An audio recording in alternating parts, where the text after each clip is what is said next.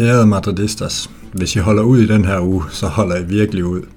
Stemningen den er, ikke, den er ikke forrygende her i studiet, eller det virtuelle studie, som Daniel Andersen plejer at sige. Han er også med. Han kører ren gravkammerstemning over i Aalborg. Jeg hedder Christian Møller Hansen, og jeg skal forsøge at lede slaget. Jeg har også øh, Malte Bosen med på linjen. Malte han har skrevet noter hele ugen for at være klar til den her snak.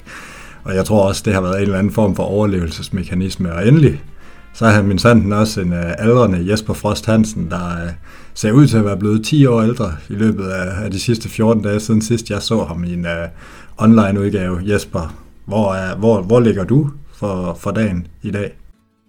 Ja, men altså, tilnavn Gammelfar, det har der virkelig fået ben at gå på, øh, fordi den, den gjorde skånt, den her, øh, det her nederlag her. Altså, det, det kostede mig nattesøvn, øh, og, og det er ikke engang løgn. Det gjorde det, jeg kunne dele med ikke sove øh, efter det her opgør, fuldstændig grotesk opgør, så øh, jeg har, har haft et hængeparti, men, men øh, jeg er ved at være der igen.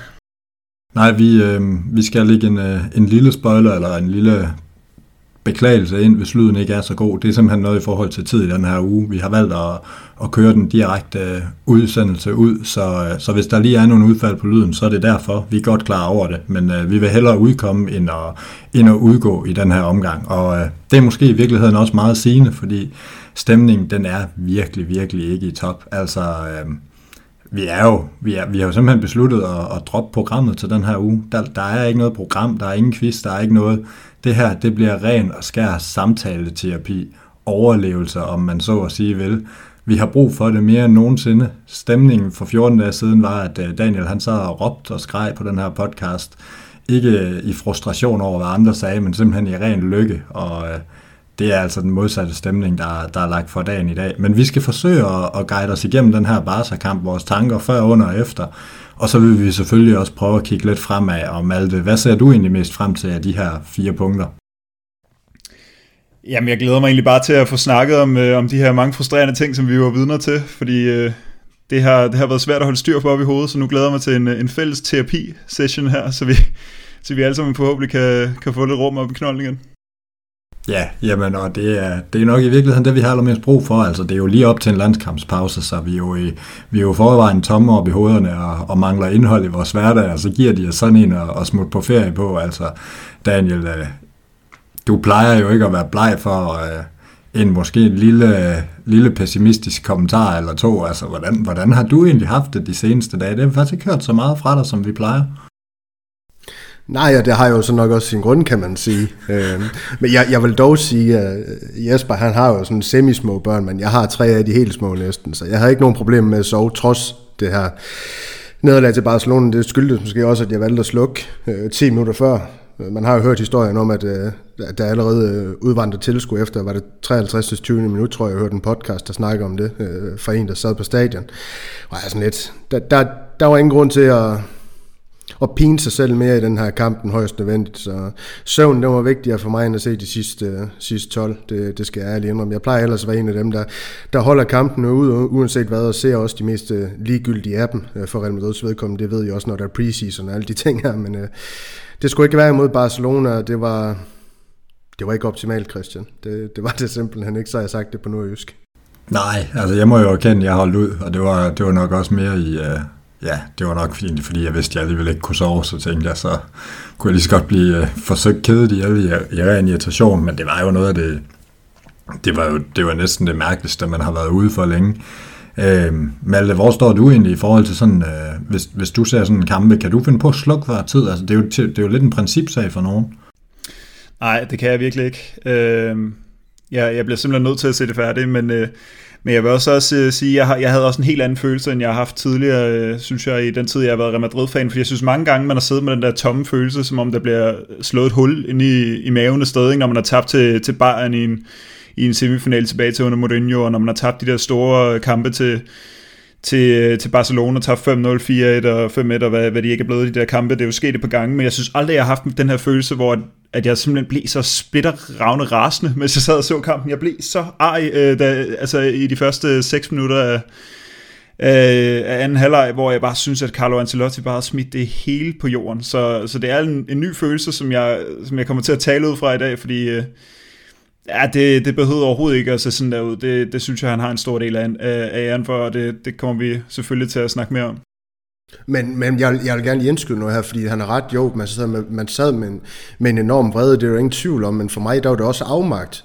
Og, og når du sidder i sådan en situation, øh, hvor det, hvad, hvad, hvad kan man sige, af, afmagten, den måske har taget over øh, under selve kampen, og man kan se, jamen, prøver uanset hvad Real Madrid gjorde, og de gjorde ved Gud ikke ret meget i den her kamp mod Barcelona, det er jo også en af sandhederne, jamen, så, så, så blev vi udspillet, og det var, det var Manita-vibes, det var 6-2-vibes, og det her, det var i min optik faktisk endnu værre. Så jeg kunne ikke se nogen grund til overhovedet at, at, at se den her kamp til ende for, for mit vedkommende. Nej, men altså, nu, nu var jeg en af dem, der, der hang ud ligesom Malte og, og så det færdigt, som jeg også nævnte før. Sådan. Men altså, jeg kan også godt følge den her. Altså, jeg har da godt nok tidligere taget nogle, øh, nogle gevaldigt lange gåture, før der kom børn og, og, og, og fuldtidsjob ind i det, dengang man studerede, så man godt lige kunne tage sådan en, en, en halvanden times gåtur efter en rigtig nedtur, hvor man virkelig altså, havde fået slået det der hul i maven, ren frustration. Ikke? Øh, altså, jeg, jeg ved ikke, jeg sad sådan lidt mere, det er måske også, det er måske også fordi man er begyndt at blive lidt ældre, men jeg sad mere sådan og var nærmest chokeret. Altså på samme tid, som man jo lidt forudså det, da man så, hvordan Real kom ud til anden halvleg, og egentlig også, ja, måske alligevel ikke var så overrasket, men alligevel var, var, man, var man jo sådan nærmest i sådan en granatschok-agtig tilstand. Altså det, det sådan, så derfor så, så var reaktionen ikke sådan på den måde. Det var bare sådan, det var netop den der blanding af afmagt og sådan, altså, det, det, var bare, det var bare overhovedet ikke det, man forventede. Altså sådan har det jo været tidligere, da vi tabte 6-2 til Barca, der, der, der var det jo måske lidt mere en, et, et håb, at vi, kunne, at vi kunne klare det med en forventning. Altså vi sad jo også i podcasten sidste uge og talte om, at vi kan godt tabe, men der var ikke nogen af os, der talte om, at vi ville blive udspillet med alt det.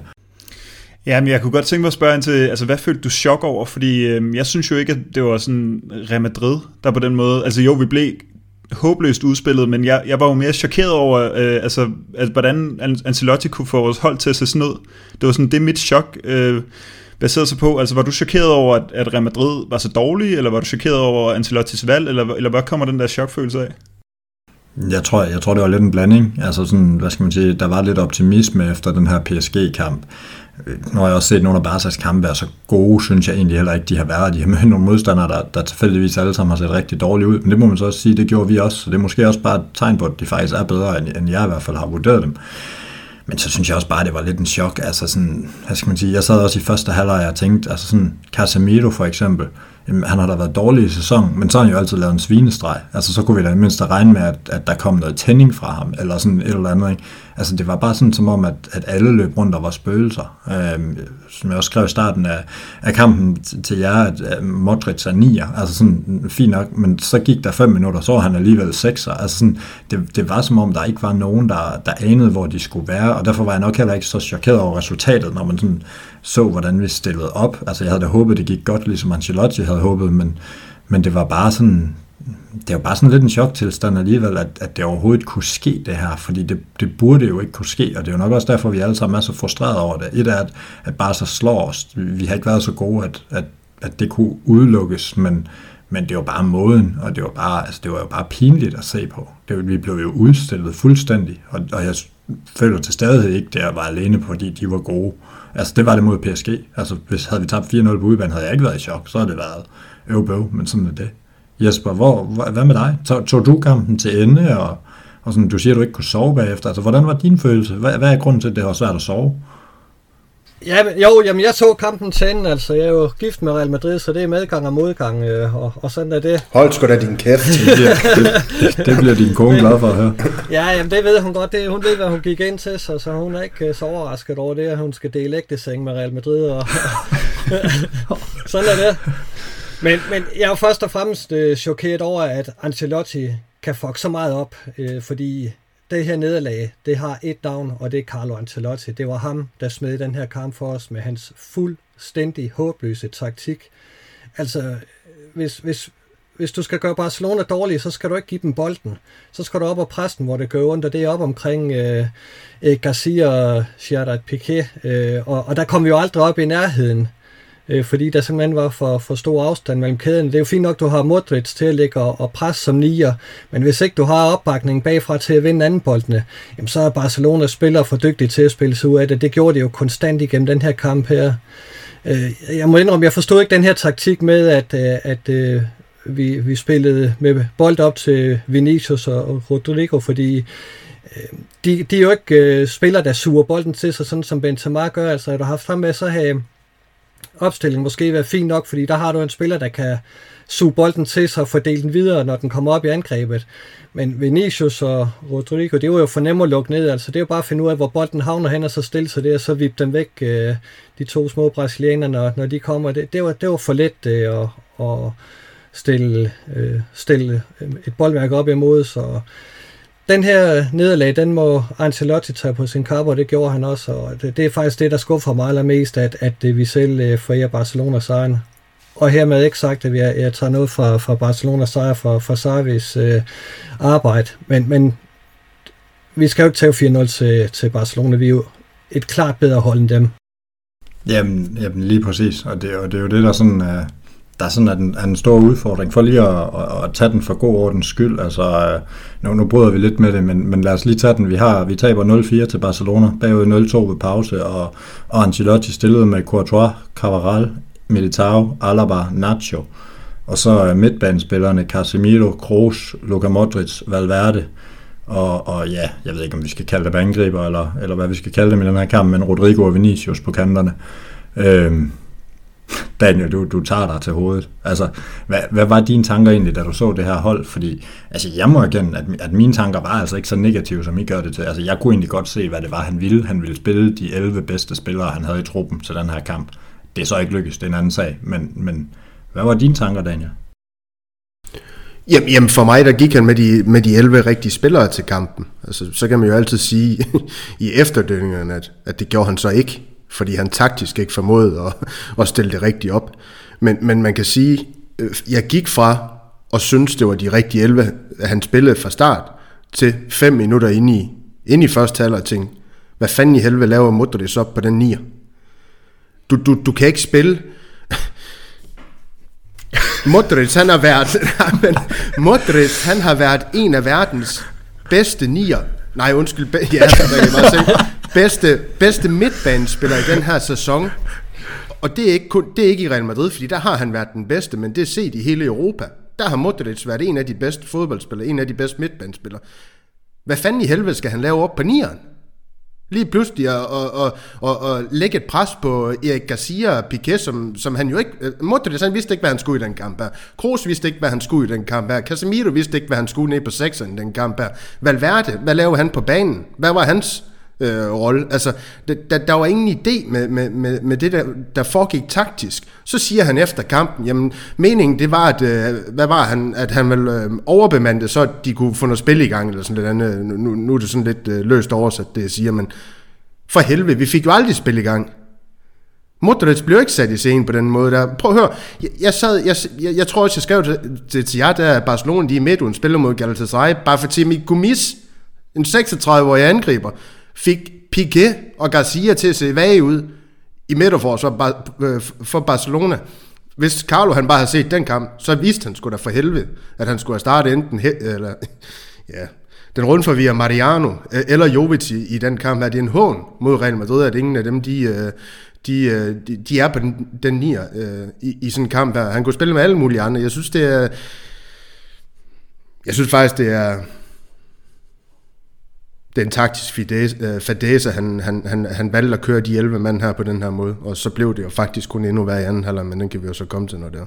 Og undskyld, jeg har saleret lidt, men Ja, ja, men altså lad os, Kæft, nu, lad os nu bare, lad os nu bare altså, hvis du kalder første halvleg en fadese, så tager jeg ikke tænke på, hvad du gør med anden halvleg lige om lidt, men, men Jesper, øhm, altså, bærer spillerne ikke også en del af skylden for det her? Altså Nacho, han udtaler efter kampen, øh, vi kom ud og var lidt for selvsikre efter PSG, så vi tog for let på opgaven. Altså, altså kan vi bare fyre den over på træneren, som Daniel gør, eller, eller bære spillerne ikke også? Altså jeg synes, det her det er markant fra, fra manden, der faktisk er, anført til den her kamp. Han kommer ud, og han er endda fra bænken og kommer ud og siger, at ah, vi, vi tog lidt for let på det. Altså. ja, var han anført den her kamp? Ja. Det ja, det var han. Han bare anfører bindet. Men han spillede kraftet ikke som en anfører, Nacho. da det blev prøvet at stille om undskyld en mig. anden. Jesper. Det, det er klart, at spillerne de leverede jo ikke nogen pragtpræstation. Men jeg synes også, at det blev gjort svært for dem. Øhm, fordi øh, hvis du skal gå ondt på Barcelona, så skal du ned omkring deres forsvar. Det er dernede, de har deres kæmpe store svagheder. Og kampen igennem var det jo kæmpe store, øh, hvad hedder det, øh, altså der var for langt imellem kæderne i- hos Real Madrid, så, så blev det altså bare for nemt for, for Barcelona. Du fik aldrig lagt det pres og, og få, fik vundet anden boldene. Øh, Øh, og, og så, så skal det jo blive svært for, for et forsvar, hvis midtbanen er revet øh, helt i stykker. Øh, og, og det så vi jo kampen igennem, at, at Barcelona spacerede jo igennem, som det, som det passede dem. Og det havde jo ikke været for meget, hvis de havde vundet den 6-7-0. Altså det, det havde de jo virkelig chancerne til. Så jeg synes, at Ancelotti bærer en, en kæmpe fejl for den taktik, han lagde. Øh, og og når, når man så øh, Martkas opstilling bagefter, øh, Øh, så var det nærmest øh, til at begynde at græde over. Altså de havde lavet en, en 4-2-4 opstilling med øh, Kroos og, og Casemiro på den centrale midtbane, og så Vinicius og Rodrigo og Modric og Fede Valverde som de fire angriber. Altså, det, det, det så så grotesk ud, som, som det også øh, så ud på banen. Øh, det, det, øh, han har mistet lidt af min respekt, det må jeg sige, Ancelotti, fordi det, det, han blev sat til vægs her, eller sat sig selv til vægs. Jamen prøv at, det, er jo, det, er jo, altså, det er jo dybt bekymrende, at vi har en cheftræner, der kan underpræstere så meget i, en, i, i så stor en kamp. Altså det, det, det kan vi jo ikke have. Det, det må være et minimumskrav, og det her det ikke kan ske. Altså, jeg, jeg kan godt afsløre, at jeg har hørt nogle podcast, øh, både den der Managing Madrid og, og Sid Lowe's podcast. Jeg har simpelthen skulle få noget afløb, fordi altså, prøv at forstå, hvad, det, hvad, hvad andre har tænkt om det her. Det, altså, det er jo, altså, hvad foregår der med den opstilling? Hvad, hvad, han snakker om pres. Han har snakket om pres i hele 2022. Altså, at vi skal op og... Eller, eller i hvert fald efter den første PSG-kamp, i hvert fald, ikke? Der, der var der noget med, at nu skulle vi have noget pres på. Det der pres, det har aldrig nogensinde fungeret i den der sæson. I første halvdel af sæsonen, eller i hvert fald frem til vi tabte til Espanyol, der var det jo skrækkeligt at se på. Altså alle hold kunne spille sig ud af vores pres. Så lige pludselig så taber vi for mange kampe til, til små hold. Og så er det som om, at vores pres forsvinder. At vi bliver meget mere afventende, og det går så fint.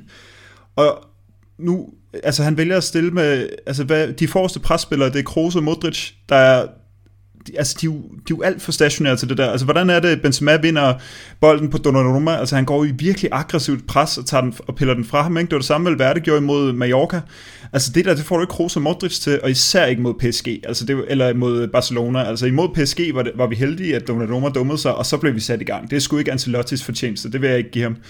Øh, i den her kamp, der har vi de her to gamle mænd til at, at, at lægge og pres, og det er sådan lidt på skift, og så nogle gange er det Vinicius og Rodrigo i stedet for, men de ligger begge to alt for langt ud på kanterne. Jeg forstår ikke, jeg forstår ikke, hvad det er, Ancelotti ser, fordi vi har set, så har vi set Hazard komme ind og afgøre en, en uh, Copa del Rey-kamp, så vi bliver sendt videre, og så forsvinder han bare fuldstændig.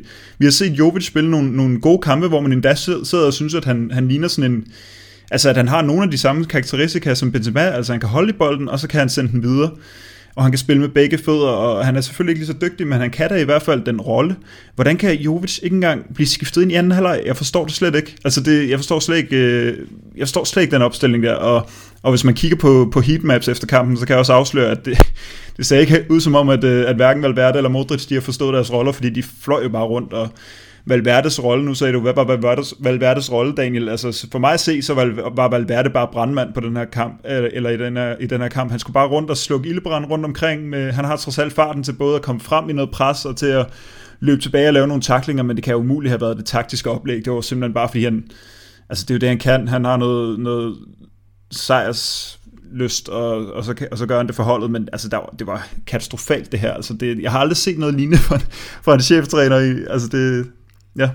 Nej, jamen, altså hvis vi, så, hvis vi så taler katastrofalt, nu, er det jo, nu tog vi jo egentlig lidt igennem første halvleg, og- og man, man skal jo sige, at ret skal være ret. Altså, der gik, vel, der gik vel 10 minutter, inden det gik ned ad bakke. Altså, de første 10 minutter var bare så vel cirka lige så chokeret, som vi var over, over, over holdopstillingen, og der virkede det egentlig som om, at jamen, altså, Valverde kommer jo til en halv stor chance, og det virkede egentlig til, at, at, at det tog dem lidt på sengen også, men, men som så mange gange før, så er det ligesom om, at så, så stoppede succesen også der. Øhm, og så, så havde man jo ligesom et kvarters pause, hvor man tænkte, at alle snakkede om, at, at nu, må, nu må man ligesom få, øh, få en angriber ind, og så spille øh, 4-3-3, og så må det ligesom gå, som det går i anden halvleg med, med en Jovic eller Mariano på top, og, og hvad skal man sige, der, der sidder hvert fald en i den her podcast, der tænker, altså hvordan Mariano han kan blive ved med at få genvalg i de her kampe, frem for en Jovic, som, jamen altså, trods alt har leveret nogle gange, øh, og, og som man taktisk også kan bruge til noget, og som også kan finde ud af at placere sig, øh, i stedet for en Mariano. Det, det er en ting. Det var, det var, det var en personlig en, men altså, han rørte der bolden 14 gange i anden halvleg, Mariano, så den ro skal han have. Øh, men så, så gør han jo ikke bare det, at han sætter en, en nier ind. Han tager også Cavaral ud og, øh, og, og vælger at rykke rundt og smide øh, Kammervenger ind på midtbanen, så man vel egentlig, altså jeg ved ikke, hvad man skulle spille, 3-4-3, eller hvad man skulle spille. Øhm, det jeg hæftede mig allermest ved, og nu kan jeg se, nu bliver, nu, nu, nu bliver ansigterne altså lange hos jer, men, men det var, at, at, at det virkede som om, man har besluttet, og man har fortalt Alaba, at han skal rykke ud på bakken. Det virker bare som om, at man i løbet af de 15 minutter, man har i pausen, har glemt at fortælle Militao, at så skal han rykke ind og dække centralt alene. Hvordan det så i øvrigt skulle lade sig gøre mod øh, en central angriber og to indadvendte kanter, det kan, man jo, det kan man jo så undre sig over. Men det virkede oprigtigt som om, da de kommer ud til anden halvleg, at Militao, han tror, han er højre stopper stadigvæk. At, altså, fordi han står der, hvor han plejer. Der, der, altså, det virker som om, der ikke er nogen, der har fortalt det, og det er i mine øjne den største fadese, nu brugte Daniel allerede ordet en gang, men det er den største fadese taktisk i Real Madrid-historien. Jeg kan ikke komme på en større brøler, end at altså, det er, en, det er en professionel organisation til milliarder af kroner, og man kan glemme i pausen at fortælle en spiller, hvor han skal hen. Og de siger jo også bagefter, spilleren Courtois siger, men vi vidste ikke, hvad vi spillede. Altså, det, det, det, det, det er jo Jamen, jeg kan ikke komme på noget lignende. Altså, Malte, du vil gerne sige noget, men jeg kan ikke, jeg kan nærmest ikke med ord beskrive, hvor, hvor hjernedødt uprofessionelt jeg tænker, det kan være. Men altså, jamen også fra spillernes side, at de ikke lige rækker hånden op og siger, jeg ved, vi, ved, vi ved ikke lige, hvad vi skal. Altså, det, det underviser folk til daglig i folkeskolen, det ved de godt, at de skal række hånden op, hvis de ikke har forstået det. Altså, der, der er så mange ting i det her. Malte, for overtag. Ja, der, der er nemlig så mange ting i det, og nu, nu nævner du også det med spillerne, altså de må da også have mistet, de må da, altså de må da også sidde og have den følelse, at det er Carlo Ancelotti, der gav dem den her kæmpe, altså pinlige nederlag. Det er jo dem, der har tabt kampen, og det, det må de da føle, at det er Ancelottis skyld. Men nu er det, fordi du snakkede om det der med, med at vi gik til en 4-3-3. Altså jeg var, jeg var seriøst usikker på, om det var, altså fordi han, han altså Går vi ikke til 3-4-3, og så fordi jo, vi, de pisser igennem os de første 5 minutter, så smider vi Casemiro tilbage. Altså sådan, ja. det var ren brandslukning. Jamen det prøver jeg, altså han rykker rundt på hele det forsvar. Altså han rykker Nacho fra venstre til højre, han rykker Alaba fra centralt ud til venstre, og så, øhm, og nu, nu siger du, at Militao, han blev, han blev, han blev ude på højre centerback-position. Altså prøv at høre, det vi så, det var jo, at Kammervinga to gange inden for de første øh, par minutter øh, søgte ned fra midtbanen til positionen så venstre centerback. Altså hvad, hvad kan det overhovedet give os? Altså det, han har været så dårlig, når han har spillet defensiv midt. Hvad tænker Carlo Ancelotti? Nu skal han ned og være halv defensiv midt og halv centerback, eller hvad? Altså som om det skulle hjælpe noget som helst. Han er to gange nede og tager imod bolden. Det skal jo ikke siges, at vi, altså jeg tror, den, den stod på 45 minutter og 20 sekunder spillet, da, da Ferdinand Torres er fuldstændig fri igennem altså på friløber, og Nacho er jo bare 20 meter bag ham. Altså, det var jo helt skrækkeligt, og der, der kommer vi ikke engang længere bagud, det kommer vi jo bagefter, men jeg tror simpelthen, at Jamen jeg ved ikke, altså du siger 3-4-3 eller 4-3-3, altså jeg ved det ikke, fordi altså, jeg ved slet ikke, om der skulle have den der position, men vi ender jo så med, at det er Casemiro, der tager den ved siden af Militao i resten af kampen. Hvordan kan Ancelotti have bragt sig selv i en position, hvor vi har en venstreback ude, og vi ender med at spille med, med, en, med vores defensiv midt i centerforsvaret, og vi rykker nærmest rundt på alle andre spillere i forsvaret, undtagen Militao, der bliver rykket rundt alligevel, fordi at bare så spillerne bare angriber for højre og venstre. Altså det, det er simpelthen en brøler, jeg ikke synes, man, man sådan rigtig kan forstå øh, på det her niveau. Nej, nej, men egentlig, altså Jesper, kan du afvise, at, at, at Ancelotti han simpelthen har været fuld? Altså, det kan vi, kan vi, altså hvad, hvad kan, hvordan kan det her ske? Jeg vil håbe, han var fuld, fordi så har han en, en undskyldning. Altså, altså det, det er grotesk. Vi mangler to spillere. Øh, Mangdi og, og Benzema, og jeg er med på, Benzema kan du ikke bare lige erstatte. Men, men øh, han skal jo ikke ændre holdet så meget, som han gør. Altså, han overtænker jo den her situation og, og hvad hedder det, indstiller sig efter Barcelona. Det, det er der slet ikke behov for. Altså, Real Madrid øh, har dog trods alt så meget spillestil selv, så, så de godt øh, burde øh, kunne gå ind og spille øh, det spil, de plejer. Øh, bare uden øh, øh Benzema. Altså, hvorfor ændrer det så, så vi spiller med øh, kun Vinicius og Rodrigo, og så øh, øh, opfinder Modric til, til nier? Altså, øh, jeg synes, han, han ændrer for mange ting. Øh, øh, og, og bliver for usikker på, på egne idéer. Øh, det, det, det synes jeg skulle faktisk var lidt rystende, og det, det gjorde ikke øh, noget godt for spillerne heller, at, at de skulle øh, skifte formation så mange gange i løbet af kampen. Nej, men og, og det er så en anden ting, og det, det vil jeg egentlig godt spørge dig, Daniel, om, fordi du er jo, nu, nu, nu kan vi måske godt glide lidt over i den trænersnak, som nok også vil komme efter det her, som, som også retligt vel skal komme efter det her, fordi det kan godt være, at han, han ender med at få et mesterskab og føre os halvlangt i Champions League, men hvordan kan man for første gang i, i en hel sæson spille med en tremands bagkæde, til anden halvleg i en El Clasico. Altså sådan, er det, er det alene ikke rystende nok, Daniel? Altså er det ikke nok til, at vi skal snakke om Ancelottis fremtid? Åh, ja.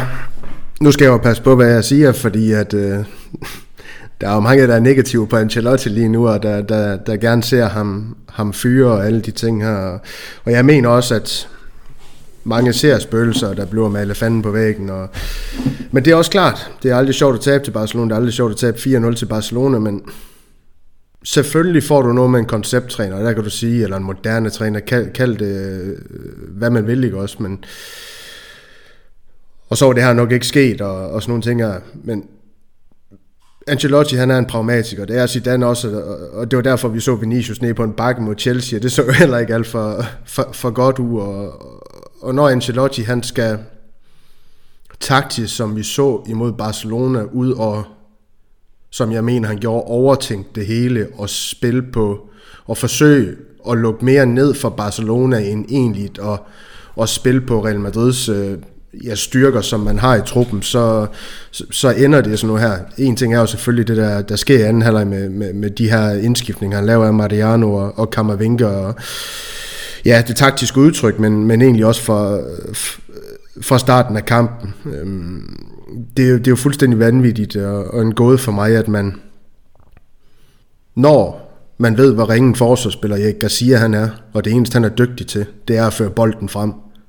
At man så ikke forsøger at få lagt noget pres på, på den bitte stakkel, men lær ham føre bolden frem, lade ham slå bolde hen over midtbanen og alle de ting her. Øhm, det er det, der sker, når du har en pragmatiker som Ancelotti. Det er det her, der kan ske, men jeg vil også, jeg vil altså også anfægte den her med, at Malte, han, for, forstår jeg dig forkert, Malte, eller mener du også, at vi spillede dårligt i, i efterår? For, fordi jeg har, jeg har hørt mange podcasts, også, også i løbet af efterår, hvor blandt andet en af, jeg ved Niklas, han kan lide ham, jeg tror også, altså Jonas Hebo Rasmussen, mener han hedder, øh, e- en af Medianos øh, ja, ja, eksperter, øh, at han så Real Madrid som et af de bedste hold i hele Europa i efterår, spillemæssigt. Så har jeg det sådan lidt, jamen, så kan man selvfølgelig, jamen, skal man tage hans øh, ord for gode varer, men, men for mig, det udtryk Real Madrid, og det fodbold Real Madrid, de leverer i, i, i efterår, det var, det var flot. Og så står vi her og taber til Barcelona, og, og, og så skal Ancelotti... Altså, det, det er bare kontrasterne, de bliver... altså, det går hurtigt i Real Madrid. Det er nok det, jeg vil frem til. Nogle gange, så synes jeg også, det går for hurtigt. Ja, jamen, jamen lige præcis, det kan jeg godt følge, og, og det synes egentlig måske også, vi skal stå dem alle lige straks, men, men, men det jeg bare synes, det er, at nu, nu kalder du Ancelotti for en pragmatiker, og det, det ofte har jeg jo også advokeret for, at, at der er brug for en pragmatiker, men noget af det, som jeg synes har været kritisabelt ved Ancelotti, det har netop været de perioder, hvor det egentlig har set okay ud, det har været de her perioder, hvor vi har vundet kampen og har noget tid tilbage, at, at vi har overhovedet ikke forsøgt at få kørt en backup-formation ind. Vi har ikke forsøgt at få kørt en backup ind for Benzema, så når han har været ude, har vi siddet der og sådan lidt frygtet for hvem og hvordan og hvorledes. Øh, så skulle man da måske have brugt tiden nogle gange til at prøve at køre en anden formation ind. Vi har ikke forsøgt at køre en anden bagkæde ind. Vi har ikke forsøgt, altså, så, så vi har ligesom kun én formation, og, og det kan godt være, at det virker i perioder, og hvis alle spillerne er klar, men jeg synes bare, det er kritisabelt, at, at vi ikke har nogen plan B. Vi har ikke en plan B i forhold til spillere, der kan komme ind og ændre, og vi har ikke en plan B i, for, plan B i forhold til det taktiske. Øhm, det er vel også en del af udfordringen, Daniel. Lige kort, og så får man den. Jo, jo, men det, det er jo fuldstændig rigtigt, men problemet er bare, at vi vidste jo godt det her. Vi vidste jo godt, at, at Ancelotti, han spillede truppen smalt. Det så vi fra hans øh, første tid i klubben. Øh, altså, det, det er jo ikke nogen overraskelse. Vi har jo også nok fulgt med i, hvad Ancelotti han har bedrevet siden, men altså, der følger også mange gode ting med Ancelotti, og dem skal man ikke øh, glemme, fordi han lavede det her taktiske magtværk mod Barcelona. Og, og det er helt rigtigt. Men, men hvad skal man sige, så ender skylden vel også netop på ham for de valg, han har taget i, i de perioder. Det er det, jeg mener. Jeg kan godt forstå, at han kører truppen smal, men, men, men i mindst at have nogle taktiske muligheder, det, det føler jeg i hvert fald ikke, vi har til at gøre noget anderledes sådan rigtigt. Malte, nu får du lov. Ja, men jeg ved egentlig ikke, øh, jeg, altså, jamen, jeg, øh, jeg kan selvfølgelig kommentere på det der med, med om, altså jeg synes jo ikke, at Real Madrid spillede dårligt i efteråret. Øhm, altså, jeg har også hørt øh, Jonas Sebo, som du øh, citerede før, øh, Daniel, sige, at, at vi, Real Madrid sammen med Inter, var to af de mest spændende hold over efteråret. Vi vandt mange store kampe i, i, den, i den spanske topstrid, og, vi, og det så meget spændende ud. Og Vinicius blomstrede sammen med Benzema. Det, som jeg anfægter, det er presspillet, som jeg aldrig synes har fungeret hele sæsonen, og som jeg synes er en utrolig vigtig del af, af fodbold nu til dags. Altså, det, der skal være et velfungerende pres, og jeg kan ikke rigtig se nogen vej udenom det.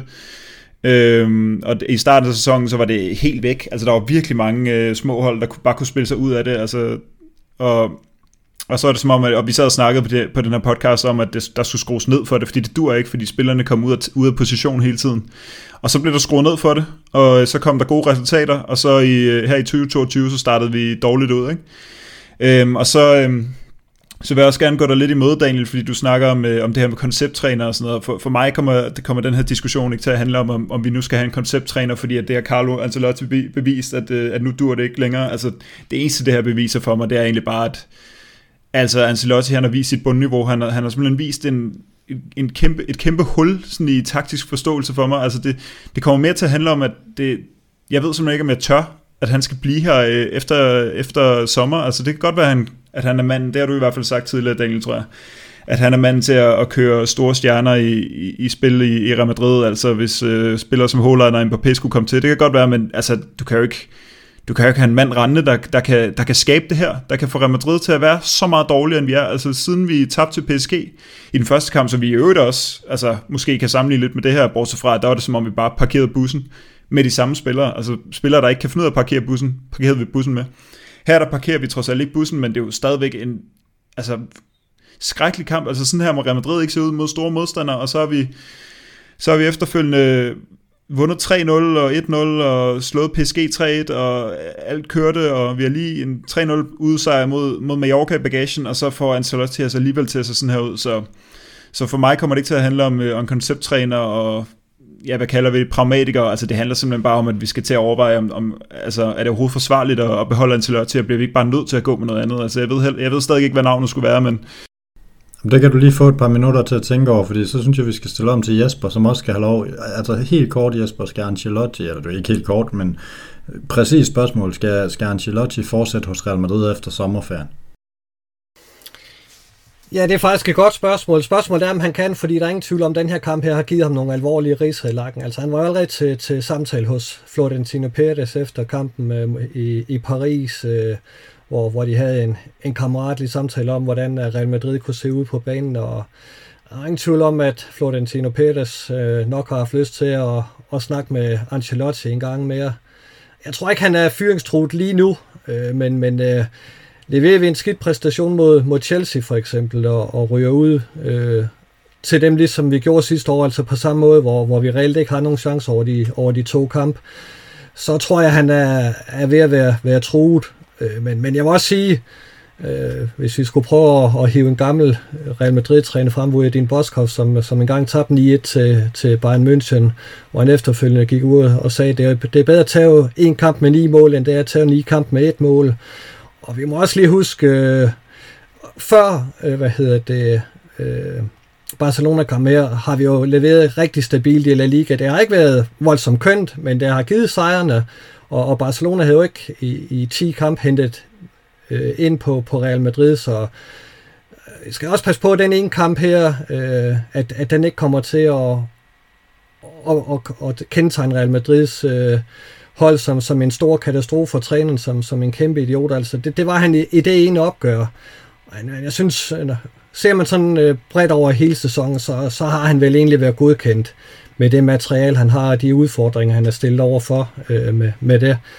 Øh, jeg vil ikke, øh, jeg vil ikke sætte her og fyre ham nu og her, da øh, han skal have lov at køre sæsonen til, og, og så, så må vi tage et, et kig på, hvordan øh, at vi kommer i mål med det hele.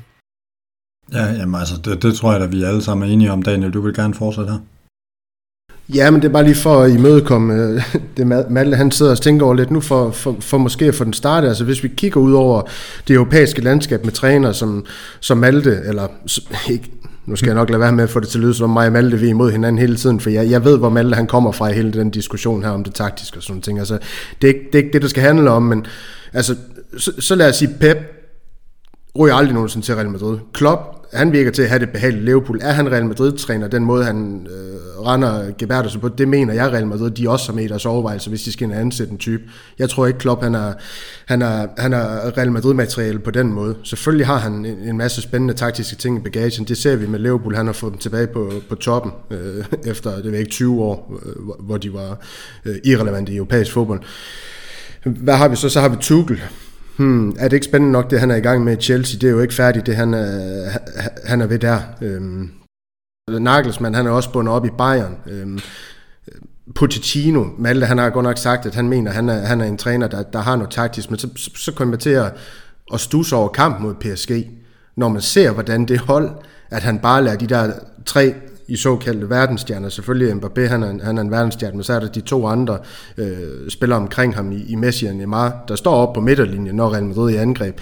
Det mener jeg ikke, det er taktisk godt sat op, hvis du ikke kan få dine tre øh, offensive spillere også til at, til at være med i noget pres og være med i noget defensivt og sådan nogle ting her. Der, der, der skal man også kunne nu som, som træner. Der kan man sige, man har han sat sig nok igennem det omklædningsrum, hvis han ikke kan få spilleren til at arbejde defensivt. Det er bare lige nogle tanker at sætte i gang. Øhm, altså, vi, vi begynder at være dernede, altså hvis vi skal have at skifte Ancelotti ud, jamen, hvad er det så, vi skal have fat i? Skal det så, nu, nu har jeg øh, hørt spændende ting om ham her, er det Salzburgs træner, men han er 33 år. Han blev 34 år, han er et år ældre end mig. Altså kom nu lige. Øhm, det, det er sådan nogle ting, altså vi er også nødt til at sige, jamen okay, hvis vi skipper Ancelotti, hvad er der så realistisk? Kommer vi så til at stå i en situation igen, hvor det bliver sådan noget, jamen så bliver det sådan nogle dinosaurer, som folk de vælger at kalde dem nu, ikke også med, med Conte og Allegri, alle dem her, der, der så bliver nævnt, jamen kan de gå ind og gøre, øh, altså bliver du så ikke bare tilsvarende det Ancelotti han har været inde og, inde og lave? Altså, jeg, jeg er jo bange for, hvis du så fyrer Ancelotti, jamen, så står vi jo i en situation, jamen okay, så har Real Madrid egentlig ikke en plan for, hvad de vil. Nej, og det, og det er vel netop udfordringen. Altså det, jeg skrev det også på, på Madridista.dk's forum for nylig i et af mine få indlæg for, for tiden, men, men det her med, at altså, det kræver nogle forskellige ting at være Real Madrid-træner. Det kræver, at du kan håndtere truppen, det kræver, at du kan håndtere medierne, og det kræver, at du kan håndtere det interne pres med, fra ledelsen, fordi den, den er der også som faktor. Øh, og så kræver det endelig helst, at du skal spille god fodbold og vinde fodboldkampe. Men et eller andet sted er, er nummer 4 og 5 det er jo det, alle andre ser, men det er jo, det er jo de første tre, der gør, at, at du bliver i jobbet. Øhm, og det kan Ancelotti jo til synligheden langt hen ad vejen finde ud af bedre end måske i virkeligheden nogen anden. Og det, og det er det, der er lidt svært at se. Vi så det jo ved Lopetegui. Altså lige så snart der var, der var modstand, jamen, så var han jo ude med badevandet. Og det var jo fordi, jamen, han kunne simpelthen ikke styre det pres der. Han, kunne, han havde ikke den ballast, det kræver at sige til. Øhm, og altså sådan, Jamen, jeg synes, det, det er spændende det her med at prøve at snakke om, hvem der kan være, men, men jeg kan heller ikke få øje på en anden. Så, så, altså, jeg ligger også over i den der båd, men jeg kan ikke se Ancelotti for det her Real Madrid til at blomstre. Men, men jeg kan heller ikke se andre, og, og det kan næsten, næsten kun blive værre i mine øjne, Daniel. Ja, det er lige en Malte han får lov til at hoppe på det på emne. Det er ikke fordi, jeg nødvendigvis ikke vil en anden træner end Ancelotti. Jeg har bare svært ved at se, hvem den anden træner skal være, og det er der mit ståsted er i den her snak, lige nu i hvert fald. Ja, Malte, det, det synes jeg egentlig også, du har givet udtryk for egentlig allerede her til aften, men altså, hvis du nu skulle, hvis du nu skulle komme med nogle bud på nogle ønsketrænere, altså som, som kunne, kunne lade sig gøre, og, og skal vi så vente et år mere, eller altså hvor står du? Skulle vi så finde en anden midlertidig træner? Altså, hvad, hvad tænker du egentlig om det her? Jeg er, ikke, jeg er ikke så meget tilhænger af, at vi skal have midlertidige trænere ind, og jeg er, jo, jeg er jo enig med jer i, at, at mit problem er også, at jeg ikke ved præcis, hvem der skulle tage, tage over for, for Ancelotti lige nu. Øhm, men det, det er klart, at den her kamp, den gør bare, at, at jeg føler et helt andet pres for, at det her det virkelig skal overvejes. Øh, Thomas Tuchel kunne jeg godt være øh, en lille smule varm på, men jeg, jeg tror desværre, der kunne komme en uh, Mourinho-effekt ud af det, hvor det, at han får skabt noget ildebrand i, i klubben, når en, en dag er fortid, fordi jeg tror, han er en, Ja, jeg tror godt, han kunne være en besværlig mand øh, at have i Real Madrid. Jeg er ikke sikker på, at han kan komme ind. altså, jeg ved faktisk ikke engang, hvor godt tyskere generelt, altså dem, der er ude på markedet, hvor godt de vil passe ind i Real Madrid. Altså hverken Klopp eller Tuchel. Jeg har lidt svært ved at se, se dem som karakterer som den stå i spidsen for Real Madrid. Nagelsmann kunne jeg være kunne jeg, kunne jeg godt tro lidt mere på, men, men der er det så bare med ham, at han er så ung, og han har kun været i Tyskland, ikke? Altså det, det har også lidt svært ved at se. Øhm, Thomas Tuchel, nu sagde du, han havde gang i noget øh, godt, Daniel, derovre, men der er med også revage i Chelsea lige nu, ikke? Med, med ejerskifte mm. og alt muligt, så, så det kunne da godt være, at han blev, han blev løsladt, og man så skulle have på ham simpelthen bare for at få noget andet ind, men altså, ja, Raul, altså Castilla gør det jo af HT lige for, lige for tiden, og, men altså Zidane gjorde det heller ikke specielt godt med Castilla, hvis Raul har noget, øh, noget af det der ja, autoritet alene den spiller han var, og hvis, hvis rygterne om, at han øh, til med har, har anlagt nogle, nogle taktiske dispositioner, som måske passer, når spillerne er bedre end de er, så kunne det måske være fint, men altså nu synes jeg så også, at vi har fine spillere nede på Castilla, øh, så, så det, det, det er måske heller ikke, øh, fordi det er en undskyldning for Raul.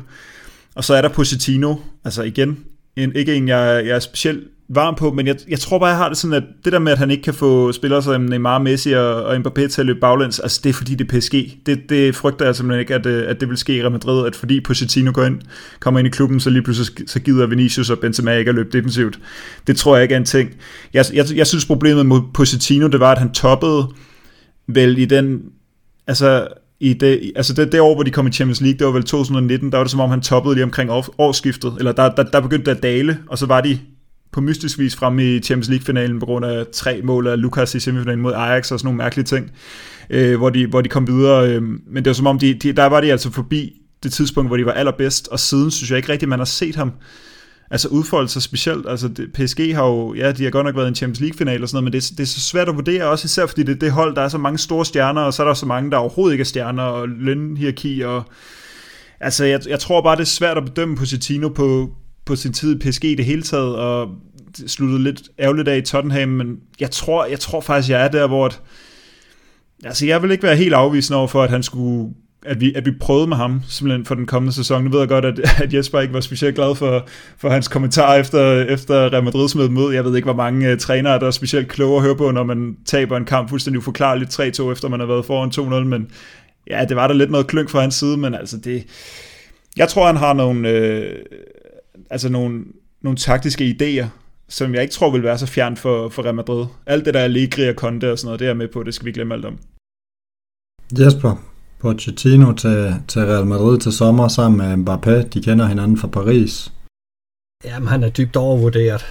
Ja, altså, der, det, det, det, han, hans udtalelse gjorde ikke sagen bedre for mit vedkommende, men, men øh, dybest set handler det om, at han er ikke dygtig nok.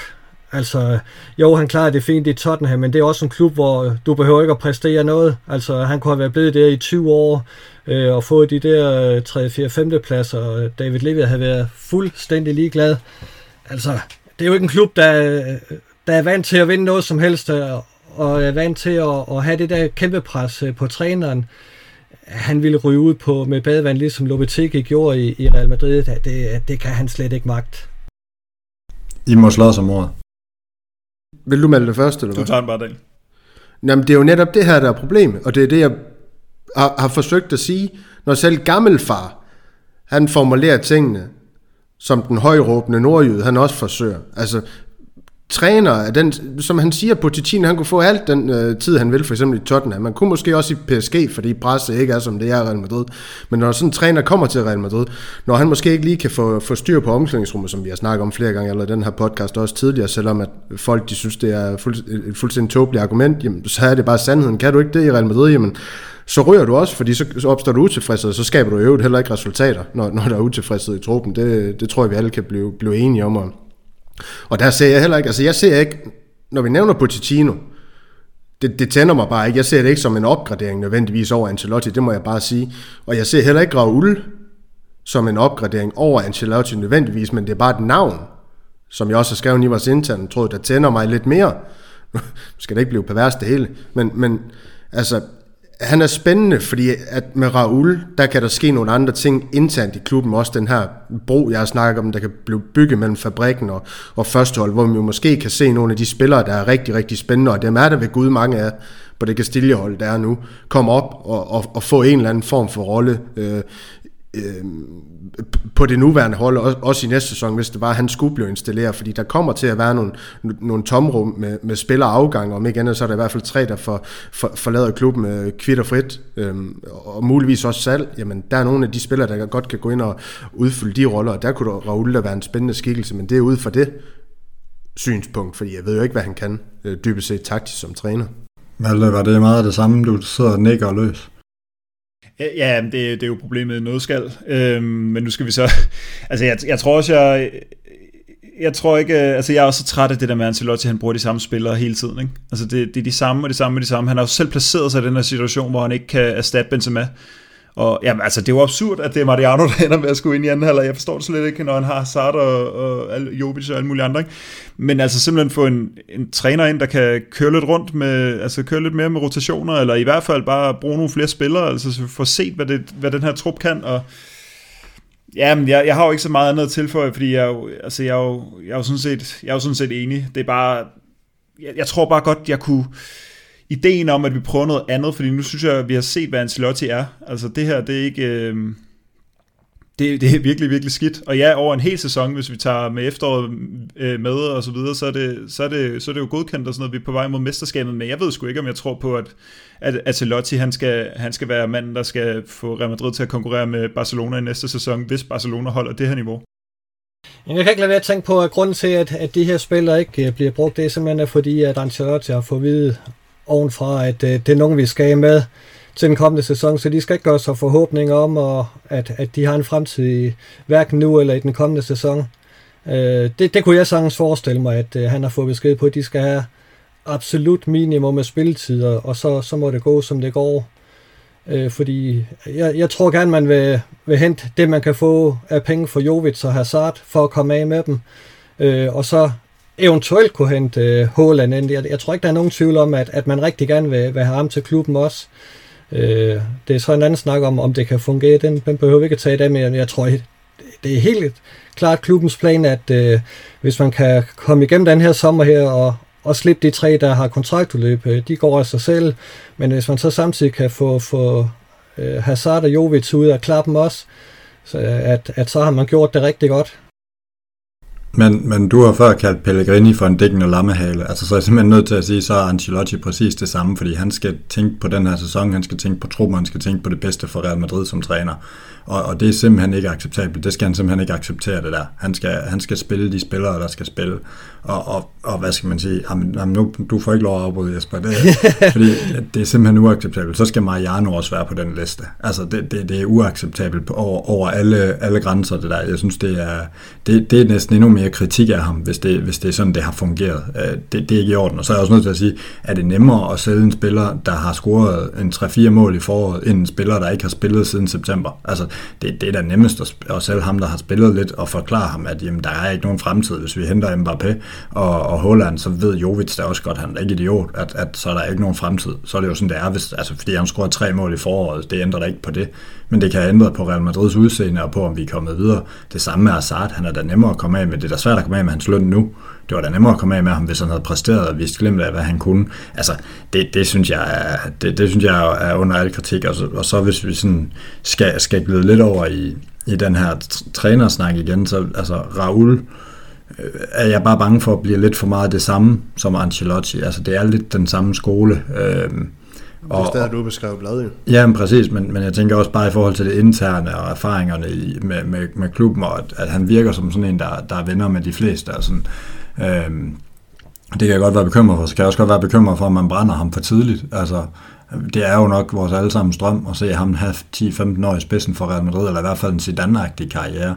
Øh, ved at hive ham op nu, risikerer man jo altså lidt, at så bliver det ikke den store succes, og så er han ude, og så ser vi ham aldrig igen. Det, det kan jeg godt være lidt bekymret for. Øh, men jeg kunne godt tænke mig at smide et, øh, smide et navn i puljen, vi ikke har snakket om, og, og jeg ved godt, det, det ikke er en navlepillende mand, men, øh, men han piller nogle andre ting, og, øh, og det er Joachim Løf. Altså, han kan vel lidt noget af det her, han har vel vist noget af det her med både forskellige formationer og få flere spillere til at præstere, og, og sådan, han har ikke den store kluberfaring, men, men af de navne, der er på markedet, så synes jeg faktisk, at han måske er en af de sådan lidt interessante. Øh, jeg ved ikke, om, om det på nogen måde kunne, kunne være interessant for jer, Jesper Joachim Løf.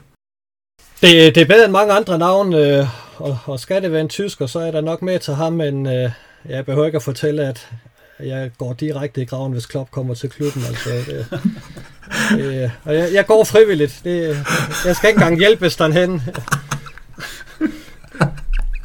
Så må vi håbe, du kan falde søvn.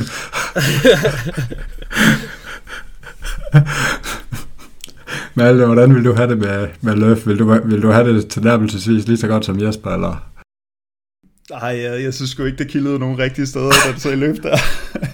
Heller ikke i næsbordet. Øh, ja, altså, åh, han kommer, han kommer, ej, det, det kommer han til, han kommer stå, til at stå og pille ved sig selv ud på den sidelinje der i sit øh, jakkesæt. Nej, det er frygteligt. Det, og jeg, altså, det er også fordi, jeg ikke ved det. Altså, det er mest bare fordi, at jeg synes ikke, vi har nogen som helst altså stikprøve på, hvad det er, han, han skulle kunne gøre med Real Madrid. Altså jeg ved godt, han har været nævnt hele tiden, og sådan Altså hvis han ikke var blevet nævnt af, af Asa Marca og, og andre medier, at han kunne være et, et, et, et trænernavn, så havde jeg aldrig nogensinde forstået, hvorfor han skulle nævnes i forbindelse med Real Madrid. Altså hvad... Jeg, jeg, jeg kan faktisk slet ikke se, hvor den kommer fra. Altså, det, det, må, jeg, det må jeg ærligt sige. Jamen, den kommer vel i mangel af bedre. Altså, det er jo ja, det, det, vi har være, diskuteret, ikke? Altså, Daniel, sidste, sidste ord på den her træner, så tænker jeg, at vi skal, vi skal måske også prøve lige at kigge lidt fremad. Ja, nej, men jeg, jeg, jeg synes bare, det er svært. Jeg synes, det er en svær snak, fordi du, altså Ancelotti han krydser en masse gode bokse som, som træner i Real Madrid, men jeg kan også se alt det, det skidt der er, altså det her med at også talenterne, altså de bliver så meget overset. Vi har jo Ceballos, vi har jo Marcelo der på retur, altså vi har alle de her spillere i vores trup, hvor man kan sige, men var der ikke nogen Castilla-spillere, der kunne have fået de her, lad os bare sige, vi er oppe på 1000 minutter fordelt på spillere, der egentlig ikke burde have fået spilletid i Real Madrid i den sæson, altså i førsteholdstruppen, hvor ja, en spiller som Arribas, der fik spilletid under Zidane i uh, sidste sæson, han har jo slet ikke set førsteholdet i den her sæson, i, i hvert fald i forhold til spilletid. Uh, Gutierrez, jeg tror, han har spillet færre kampe for, for førsteholdet i år, end han gjorde i sidste sæson. Uh, altså det, det er sådan nogle ting her, når, og når han er så gigantisk, nu skal vi også passe på med, med, med de ord, men i hvert fald et, et, et, et, et godt talent, Gutierrez på den venstre bak her, man kunne have fået kørt ind på en eller anden måde i truppen. Øh, så kunne Marcelo jo måske have, have, have været i en eller anden mentorrolle, hvad, hvad, hvad det angik, men, men det har man jo det har man, øh, det har man desværre set, set lidt stort på, men det jeg synes, man skal overveje, det jeg synes, vi skal overveje, hvis vi skal have en mere sådan uddybende snak om det her på et eller andet tidspunkt, hvor vi sådan får sat nogle emner på, det er også, altså, jamen hvad er det, hvad er det, vi vil med den kommende træner? Altså, er det taktisk, vi vil noget andet? Fordi hvis det er taktisk, vi vil, jamen, så er det jo ikke nødvendigvis, at den, den, at, at den træner, han forstår at bygge den her bro mellem øh, de unge spillere og så førsteholdet, fordi er det det, vi vil? Jamen, altså, jeg, jeg, jeg tror simpelthen ikke, du kan få det hele. Det er nok det, jeg vil frem til. Altså, så, så hvad er den perfekte kandidat øh, øh, derude til, til også at gøre det? Altså, det, det er bare så svært at, at, Ja, det er fandme, det, det er bare så svært at gennemskue, hvem, hvem, hvem den rigtige kandidat lige skal, skal være til at få, få det implementeret i Real Madrid. Altså, nu er det også bare fordi, jeg læser en del på vores forum her, her, her, i, her i de her dage, og, og det virker bare som om, de vil have det hele i en ny træner. Jeg tror simpelthen bare ikke, øh, at det kan lade sig gøre. Det, det er nok bare der, jeg er, og, og, og så er jeg jo nok bare mere til at, til at vi, vi forbliver, hvor vi er med, med Ancelotti. Ja, jeg vil også lige øh, tilføje, at selvfølgelig nu sidder vi jo og snakker, øh, den her podcast udkommer fredag, og vi snakker jo, mens at vi, vi stadig har blodet øh, kogende her øh, onsdag aften, og det skal selvfølgelig nævnes, at der er også mange gode ting at sige om Ancelotti i den her sæson. Altså det, det er ham, der, der har været med til at køre Alaba og Militao sammen til et øh, stærkt øh, par i centerforsvaret. Altså Militao kun spillet en god måned under, i, i Real Madrid, før at øh, Ancelotti kom til og det er også under ham, at øh, Vinicius han endelig er begyndt at fungere sammen med, sammen med Benzema, så der er selvfølgelig mange ting, og, og vi skal jo selvfølgelig have en snak om, om Ancelotti på et tidspunkt, hvor vi ikke har et, et dugfrisk øh, hjemmebane nederlag til Barcelona i, i baghånden, fordi der er selvfølgelig flere nuancer til det her. Nu, er vi, nu endte vi jo med en snak, hvor vi bare sad og snakkede så meget om træner, og, og hvad for nogle træner vi skal erstatte Ancelotti med. Det kan jo være, at, at, vi, kan komme, at vi kan få en lidt mere reflekteret debat øh, på et senere tidspunkt. Hvad siger du, Daniel? Ja, fordi et er jo selvfølgelig taktisk Ancelotti, men det vi slet ikke har vendt øh, i, i podcasten nu, det er jo vores midtbanetrio. Der skal der være et opgør, helt klart. Hvem, hvem opgør det skal være med, det, det kan vi tage på et andet tidspunkt. Det ved jeg ikke, om det skal være i dag. Vi har en højre kant, hvor du taktisk ikke kan gøre en skid, fordi vi ikke har noget niveau derude. Vi har en højre bak, Nej, det har vi ikke. Vi, vi, vi, vi har en spiller, der spiller derude. Øh, I, i Cavaral, der Jamen efter 15 minutter, der skulle han simpelthen bare være flow. Han var så himmelråbende dårlig mod Barcelona, øh, og, og har egentlig været det i store dele af, af, af den her sæson. Øh, det kan godt være, at han lige har haft et par kampe, han har spillet godt, men, men Cavarals niveau, det har været så redselsfuldt, at jeg faktisk er villig til at sige, at Chento, han er den alle tiders bedste højre bakke. Så er vi der, Jesper. Det lykkes. Yes, yes, yes. yes. Ja, det lykkes Kammeral at spille, så det Og vi siger tak for i aften. Vi behøver ikke at snakke Malte.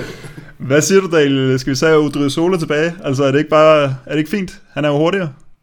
Eller ja, hvad, hvis, Kammeral, hvis Kammeral, han er lever på steg, så, så er han Stryns udgaven Cavaral. Altså ham her, det, det er den hunde på steg, man kan få til en tiger i vil, Fakta. Vil du hellere have Cavaral end Odrio Sola? Ja, det vil jeg. Jamen, det, det skal ikke være nogen hemmelighed. Altså, Odrio Sola, han er... Nej, videre. Han, var, han, var jeg han den eneste, der var spændt på, om Stryns var det gode eller det dårlige? Der, jeg smed det ind. Det kommer jo an på, hvem Lige der, men altså, der ved man jo, der er Daniel, han er, han er for kender. Bare der er følskum på, så er Daniel lige glad. Ja, ja, præcis, og den grove hakket, så er det ekstra godt, så spiller det ja. hele. Men, øh, men, men lad os måske lige runde Cavaral her, fordi altså, jeg synes jo, det var ret markant. Altså, vi, vi skal igen, vi snakker om det sidste uges podcast, altså hvor meget satire det var, at Ancelotti han kaldte Mangdi og Cavaral for verdens bedste fullbacks. Den, øh, den fortrød øh, selv Ancelotti ved ugen efter. Altså, altså hvad, hvad betyder det her egentlig for hans status? Betyder det måske også noget for, hvordan, øh, hvad, hvad klubbens planer, egentlig også Ancelottis planer? Altså, jeg kan ikke huske, at han har taget en spiller sådan fra hans faste rotation ud i pausen før, altså på den måde flået ham. Han har før gjort det med Kammervengar og Valverde, men de har jo været netop det der lidt ind og ud, og han så været utilfreds med dem, så fair nok. Jeg tror også, han har taget Rodrigo og Asensio hver især ud en gang i pausen i løbet af sæsonen. Men det er jo ikke noget, han har gjort med sin, sin stamme. Øhm, tror I, det her det får betydning i forhold til resten af sæsonen? Altså, er det, er det i virkeligheden et tegn på, at selv Ancelotti nu er, er gedin træt af de indsatser, Cavaral har leveret, og han har jo været dårligste mand mod både Paris og nu imod Barcelona. Altså Jesper, for det her betydning for Cavaral, og skal vi, begynder vi måske i virkeligheden at kigge os om efter en højre bak, som ikke hedder Odrio Sola, men rent faktisk er kvalitet til Real Madrid? Det vi jo som udgangspunkt ikke have noget imod, men, men jeg tror bare ikke, det sker. Altså, det er jo også et faktum, at Carvajal er eneste spanske landsholdsspiller hos Real Madrid. Altså, han er, han er med. Øh, så, og, og det fortæller måske også lidt om, hvor, hvor svært det er at finde en, en god højreback, fordi der er så åbenbart ikke nogen i Spanien, der, der, der er bedre, øh, hvis, hvis han kan, kan, kan få den plads. Øh, og, og jeg tror, at hans status er så høj i klubben, så øh, han bliver ikke øh, hældt ud med, med badevandet. Øh, øh, det, det tror jeg simpelthen ikke. Jeg, jeg tror ikke, det er en position, man, øh, man forstærker sig på. Så vil jeg gerne lige byde ind, altså for mig, og det mener jeg dybt seriøst her, der er, der er et indkøb af en ny højreback 100 gange vigtigere, end at sikre sig Håland øh, i sommerens transfervindue, og det er 100 gange vigtigere. Altså, så ringe er vi derude, og så kan vi tage højre kanten med i det her puslespil. Jeg ved ikke, hvem, hvad, hvad, hvad, hvad, hvad Ancelotti, hvis det er ham, der træner i næste sæson, vil gøre på højre kanten, selvom Mbappé kommer ind. Mbappé, han er ikke naturlig højre kant. Det er ikke der, han spiller bedst, selvom han godt kan spille derovre. Han skal også have sit udgangspunkt enten mere centralt eller, eller til venstre, så det skal blive spændende at se, hvad der, hvad der kommer til at ske der, hvis du heller ikke får, får, får noget bedre derovre. Altså, i min verden, der var bedst højre bak lige nu, det er Nacho. Så for mig, spil Nacho resten af sæsonen, og så Mandi til venstre, så ved jeg godt, man kan, man kan være nødt til at, at, at, at gøre nogle ting og sager, når Mandi øh, for Gud ved, ved hvilken gang bliver, bliver skadet, eller ender i noget karantæne, eller, eller et eller andet.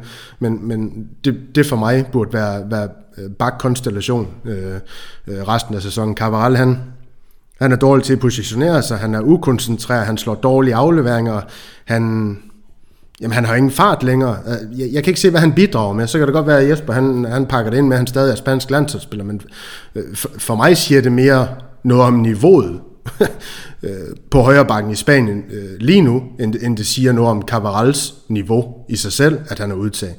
Altså, så ved jeg godt, at jeg har nævnt Pedro Porro, han er jo ikke udtaget til det spanske landshold, men han er trods alt en, en, en skikkelse, der er noget, noget fremtid i, og, og så, så er jeg da glad for at læse de rygter også om, at uh, Hakimi han skulle være utilfreds i, i PSG. Jeg ved godt, det blev usandsynligt svært at købe ham fri, også en mindre det forhold, vi har fået skabt os til PSG med alt det her Mbappé og sådan noget, men for fanden kunne vi få ham hjem, og så gider jeg ikke høre om, at han er for offensiv og sådan nogle ting her. Kunne vi få Hakimi hjem igen, så får vi fanden rende med Hakimi hjem igen, fordi den højre bak, den er bare vigtig at få forstærket. Malte, lad, du kan lige få lov at runde den her af. Det skulle øh, Malte ikke bede om, kan jeg se på ham. Jamen, jeg, jeg, jeg nikker bare. Jeg er bare enig. Jeg ved ikke... Ja. Jamen, så lad, os, Så, ja, så lad, os bare, lad os bare køre den videre i stedet, øhm, fordi altså, vi skal jo kigge lidt fremad, og, og Jesper har jo, har jo kaldt os mestre. Det er jo, det er jo skabt lidt for ord. Det er, jo, det er jo godt nok, at den gamle han stadigvæk øh, kan, kan gøre nogen... Øh, ja, kan gøre nogen lidt harme i det. Men, øh, men altså, jeg, jeg snakkede med Jesper inden podcasten, og han står altså fast i det her. Altså, Malte, for det her indflydelse på, om vi vinder mesterskabet, sådan, hvis vi kigger fremad. Nej, det gør det jo ikke. Altså, det er, det er stadig, altså, vi er stadig 9 point foran, ikke? Og, og Real Madrid skal, skal op på hesten igen, og Barcelona har stadig nogle svære kampe, og det har Sevilla også, så altså, det korte svar er nej, men altså, jeg, jeg, jeg er ikke lige så skråsikker som, øh, som, øh, som Jesper og Daniel, men, men det her mesterskab, det er, altså, det er en kæmpe fordate, hvis vi ikke vinder det, og det burde der stadig være rigtig gode chancer for, at vi gør. Daniel, øh, Jesper, nogen af jer, eller var det bare, var det, bare det? Nej, men, men altså, vi, vi skal lige holde fast i, at op til den her Barcelona-kamp, der var vi rigtig stabile i La Liga. Det var ikke kønt, men vi fik uh, sejrene, og vi fik pointene, og Barcelona havde ikke hentet ind på os uh, fra, fra deres gode periode startede, og så frem til, til den kamp her. Nu er der ni kampe tilbage øh, for Real Madrids vedkommende, vi har ni point op. Øh, altså, det, det er klart, der er nogen, der tror, at Barcelona de kommer til at køre, køre rent igennem og, og henter 10 øh, sejre i deres øh, 10 resterende kamp. Det tror jeg så ikke, de gør, øh, fordi øh, de har stadigvæk et hårdt program, og de har også trods alt vist svaghedstegn i, i nogle af de kampe. Altså, de skulle have hjælp til at vinde ud over Elche, og i Tyrkiet så det heller ikke for godt ud for dem.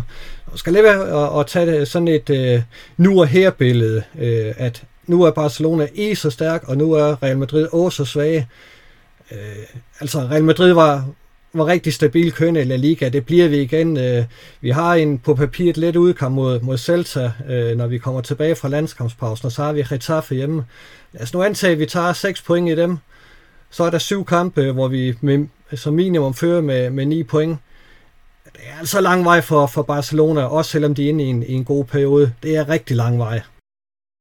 Ja, jeg vil også gerne lige tilføje, at jeg, jeg, jeg synes jo også, det, det er det her, vi skal tage med for den her kamp. Det var, at den var så meget ude af, af rytme. Altså det har ikke noget at gøre med, hvordan Real Madrid har set ud i de sidste kampe siden den første PSG-kamp, og før det også. Altså det, der var ikke noget, der tydede på, at Real Madrid skulle se sådan her ud, så det, så Real Madrid skal forhåbentlig bare tilbage til at, at spille noget fodbold, altså 4-3-3-opstilling med Benzema op foran, og Rodrigo Vinicius ved, hvad de skal, og Benzema, eller, eller Modric, han er ikke lige pludselig nier, og alt muligt mærkeligt. Vi skal bare tilbage til det der, og så forhåbentlig, det eneste lille men, det er selvfølgelig, hvis den her kamp, den sætter sig i hovedet, hovedet på spillerne på en eller anden måde, men altså, jeg, jeg regner bare også med, at spillerne de er kloge nok til at se, at det her, det var altså kæmpe fiasko fra Ancelotti, at det ikke har noget med dem at gøre, at de derfor kan, kan samle arbejdet op igen, øh, så snart vi er tilbage fra landsholdspause. Hvis vi skulle provokere vores lyttere lidt, med, kunne man så kalde det her et freak-resultat faktisk? det kunne man vel godt, men øhm, det er, det er, det, det, det, jeg vil simpelthen ikke lade, lade Real Madrid slippe med at, at kalde det et freak-resultat, fordi det var så skrækkeligt at kigge på. Altså, det, det er noget andet, når vi, når vi taber på hjemmebane til Sheriff, øh, fordi når, og vi har 30 skud, ikke? men altså, når vi bare bliver udspillet af Barcelona på, på hjemmebane, så det er Carlo, der er en freak. Åh, nå, nå, nå, nå, nå, nå. no. Jamen, det var voldsomt. Jamen, jeg havde egentlig planlagt, at vi lige skulle se lidt frem mod Celta-kampen her, og det, det synes jeg jo egentlig, I klarede ganske fint. Jeg havde også uh, tænkt, at vi skulle lige snakke lidt formationer, men det synes jeg jo egentlig også, I har klaret. Så altså, drenge, jeg ved ikke, øh, altså, jeg har ikke super meget mere. Jeg synes egentlig bare, det var, det var rigtig dejligt, og jeg kan se, at, øh, at I smiler også mere, end I, I gjorde, da vi startede, så, så det har måske alligevel gjort noget godt for os. Jeg håber også, det har gjort noget godt for vores lyttere. Øh, jeg ved ikke, om I har mere at byde ind med nu her, så synes jeg, I skal have lov at, at råbe højt. Nej, det, det skulle være en, øh, en snak, hvis vi hurtigt lige kunne få øh, jeres mening om, hvad...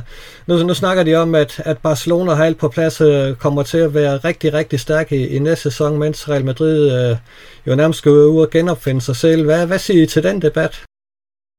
Men altså, jamen, det kan jeg da godt starte med. Altså, jeg synes jo, det er jo klart, at, at det virker som om Barcelona har fået styr på det taktiske. De har fået styr på det koncept, som vi snakker om, og det er jo, det er jo en væsentlig ting.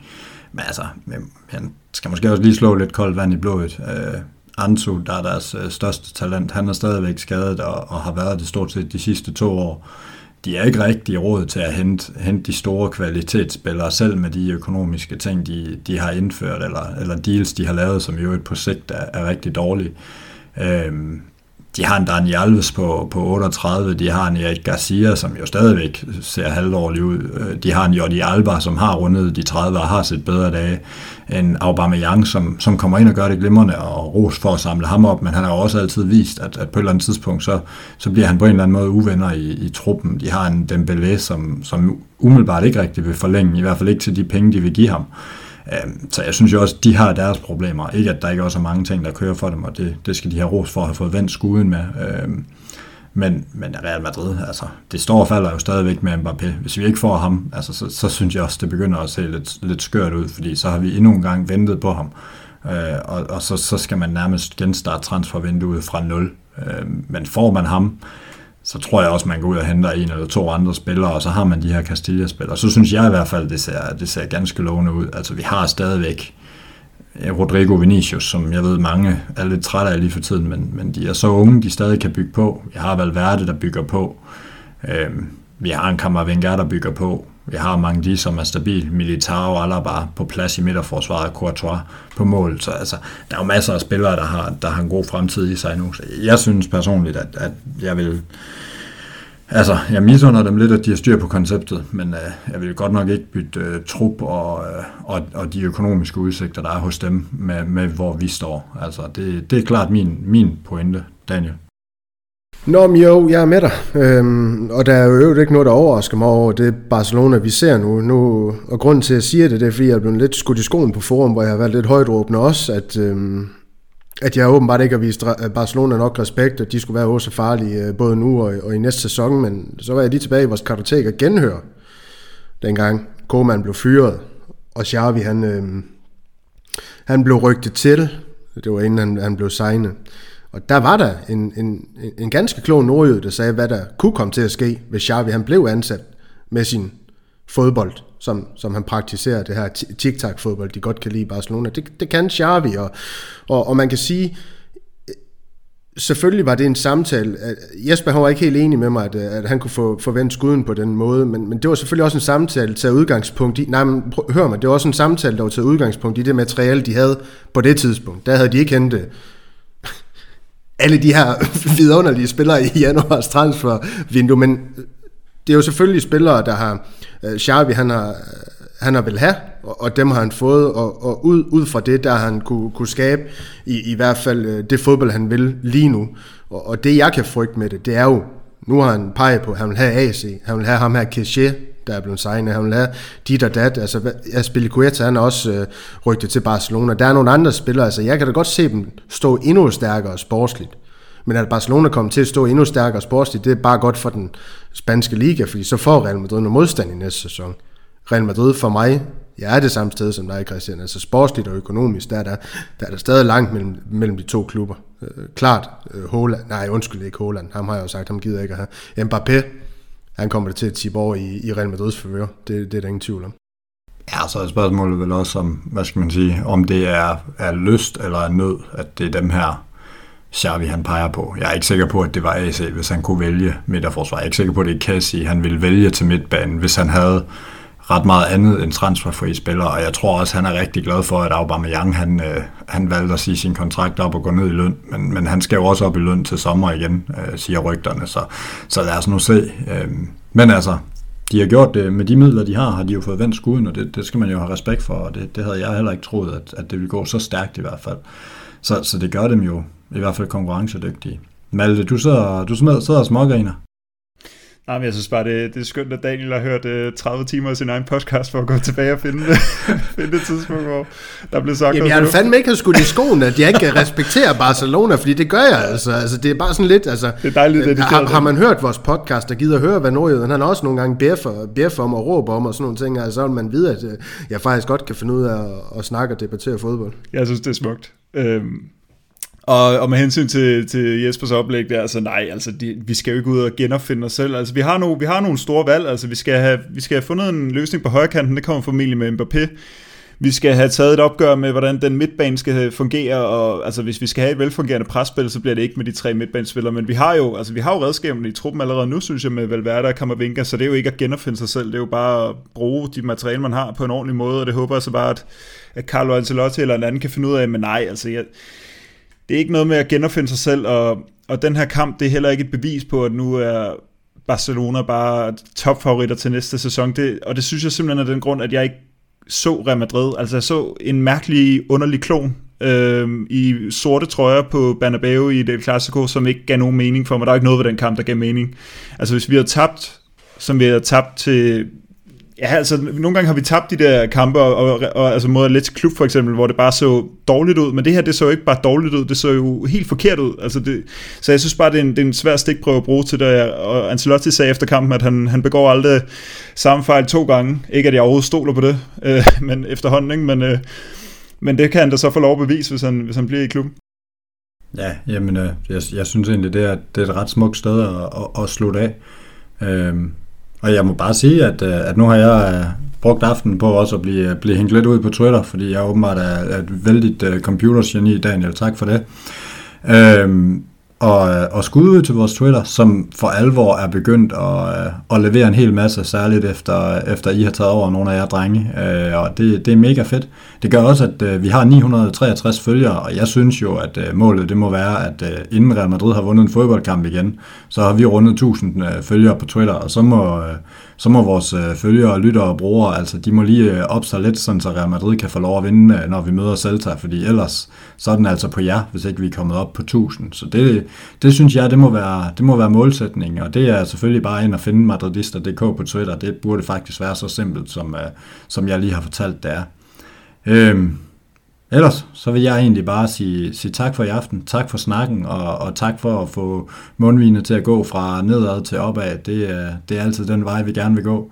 Så alla Madrid. Y nada más.